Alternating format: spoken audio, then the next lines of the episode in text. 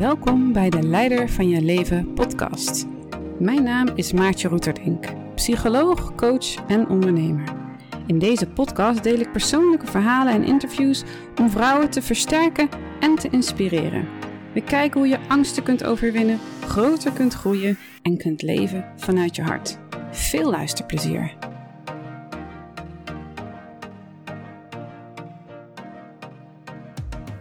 Vannacht lag ik wakker. Ik uh, werd midden in de nacht wakker, ik denk een uurtje of drie, nee twee, met allemaal gedachten. Mijn gedachten gingen aan. En het ging eigenlijk over hoe ga ik het allemaal doen.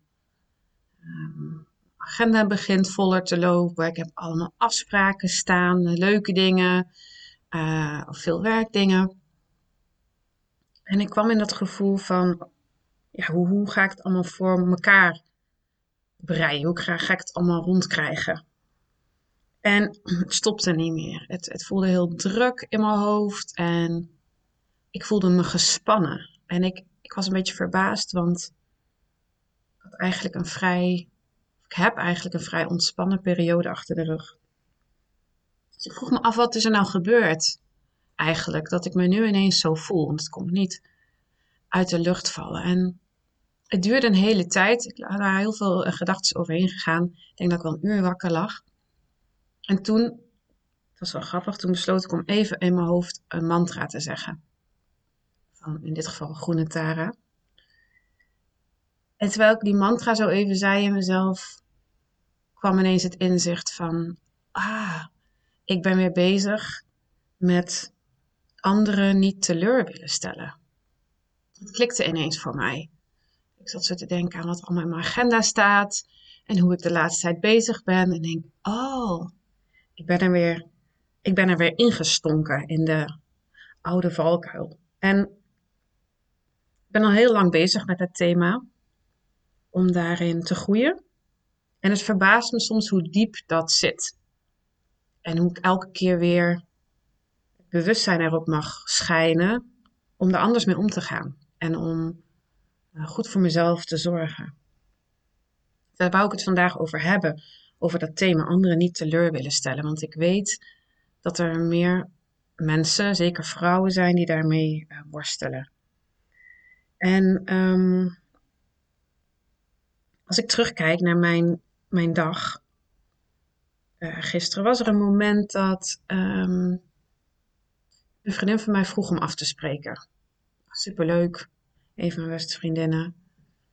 En terugkijkend voelde ik op dat moment dat mijn lichaam aangaf dat is te veel. Maar mijn hoofd deed iets anders. Uh, mijn hoofd gaat dan dingen zeggen als: Oh, maar dat is ook wel heel gezellig. En het kan ook wel. En ja, er is eigenlijk nog wel plek in mijn agenda. Et cetera, et cetera. Maar mijn lijf zei: Nee. En um, het duurde even voordat het kwartje viel. Want ja, soms nemen we die dingen allemaal niet zo helder waar in het moment. Maar achteraf kon ik zien dat dat was gebeurd. Mijn lichaam zei nee, maar mijn hoofd maakt er een ja, kan wel misschien van. En ik denk dat dat heel vaak gebeurt. Dat we eigenlijk twee systemen hebben die tegen elkaar inwerken.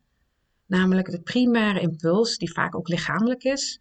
Een ja of een nee. Je wordt moe of je wordt enthousiast. Uh, en dan ons hoofd en onze, ja, ik noem het wel eens ons psychologische immuunsysteem, die allerlei manieren heeft bedacht om zichzelf veilig te voelen. En die waren met elkaar in, in conflict. En ik denk dat het uiteindelijk, dat ik dacht, ja, waar gaat leider van je leven over? Gaat echt over meer en meer en meer in je eigen schoenen gaan staan. En minder in de ogen op de relatie richten. Ik zeg ook wel eens, je hebt de, de horizontale relatie en de verticale relatie. daarmee bedoel ik, met de horizontale relatie zijn we gericht op de ander. Alsof het koord tussen mij en de ander loopt, waar ik mee bezig ben, of het daar harmonieus is, harmonieus is of niet. Terwijl de verticale relatie is de relatie van mij met mezelf. Van wat voelt er goed voor mij? Wat klopt er voor mij? En Ehm, ik denk dat we heel vaak geneigd zijn om heel erg op die horizontale relaties te richten. En dat het groeiproces echt zit in, in richten op die verticale relatie met jezelf. Ik was dus over na aan het denken en ik heb een paar punten opgeschreven van hoe kun je hier nou mee omgaan? Als je iemand bent die anderen niet teleur wilt stellen. Ik denk dat het, ik ga zo de punten noemen, maar ik denk dat het heel belangrijk is om heel eerlijk te zijn naar jezelf. Want het klinkt heel vriendelijk om te zeggen: Oké, ik een ander niet teleurstellen. Maar als je iets dieper kijkt, is het vaak onze eigen angst die spreekt. De angst dat iemand boos wordt op ons. Of de angst dat iemand ons niet meer lief vindt, bij ons weggaat, um, omdat we niet voldoen aan verwachtingen, et cetera. Eigenlijk is dat denk ik veel meer het echte antwoord op die vraag: waarom wil ik de ander niet teleurstellen? Is omdat we bang zijn.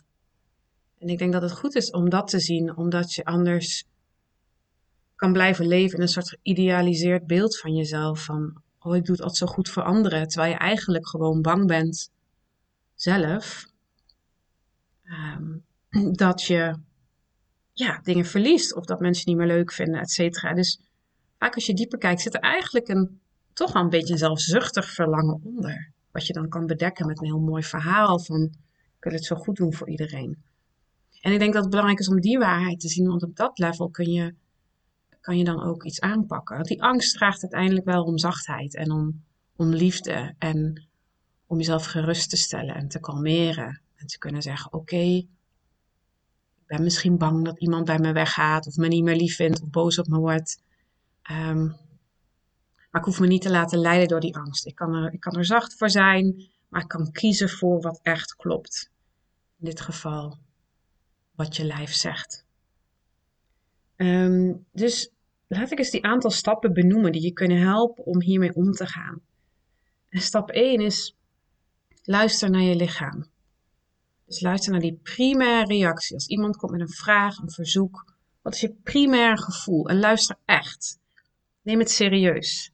Want wat vaak gebeurt is dat die patronen die er omheen liggen zo sterk zijn, omdat daar zoveel veilig gevoel van uitgaat, dat we eigenlijk die signalen van het lichaam negeren. Dus leer echt af te stemmen op je lijf en dat waar te nemen. En daarmee heb je al een heel belangrijk signaal te pakken.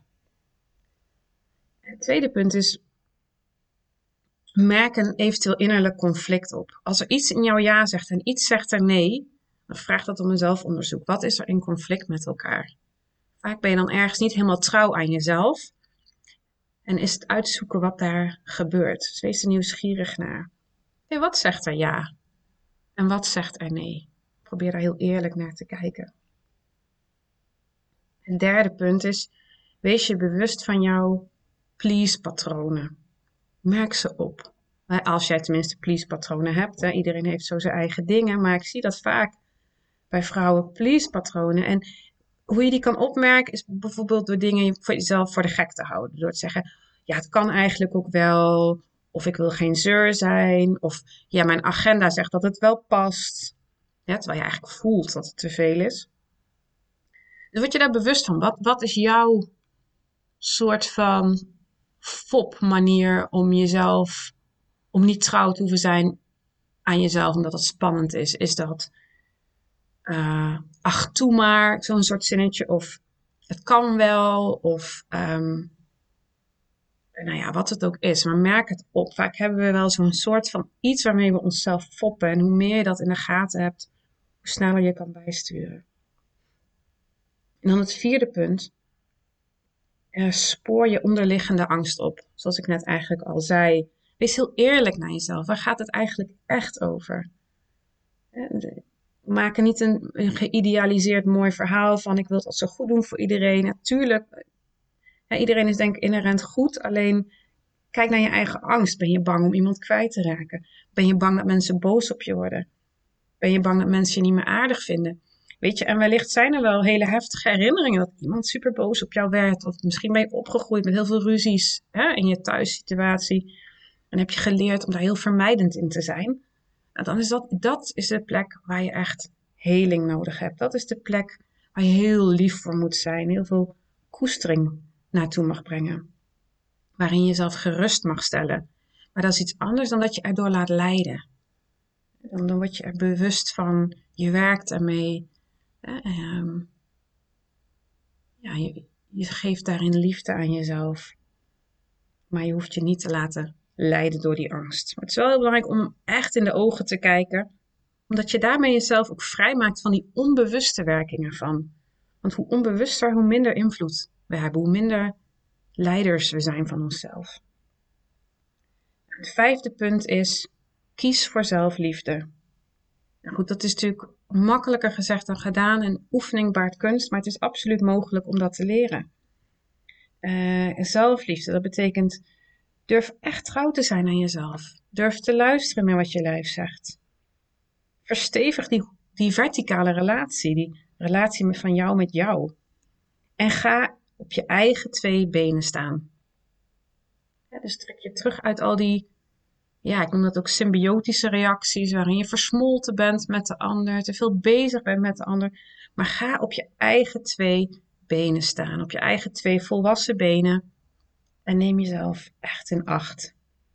En het laatste punt, punt 6, is merk dan ook de ruimte op die dit geeft, als je dat doet. Als je dus trouw bent aan jezelf, je kiest voor jezelf, dan komt er vaak een gevoel van, ah, ik heb weer space, ik heb ruimte, ik heb uh, invloed over de situatie. En dat is zo'n gezond gevoel. Dat is zo'n ja, dat gaat echt over, over welzijn, over gezondheid.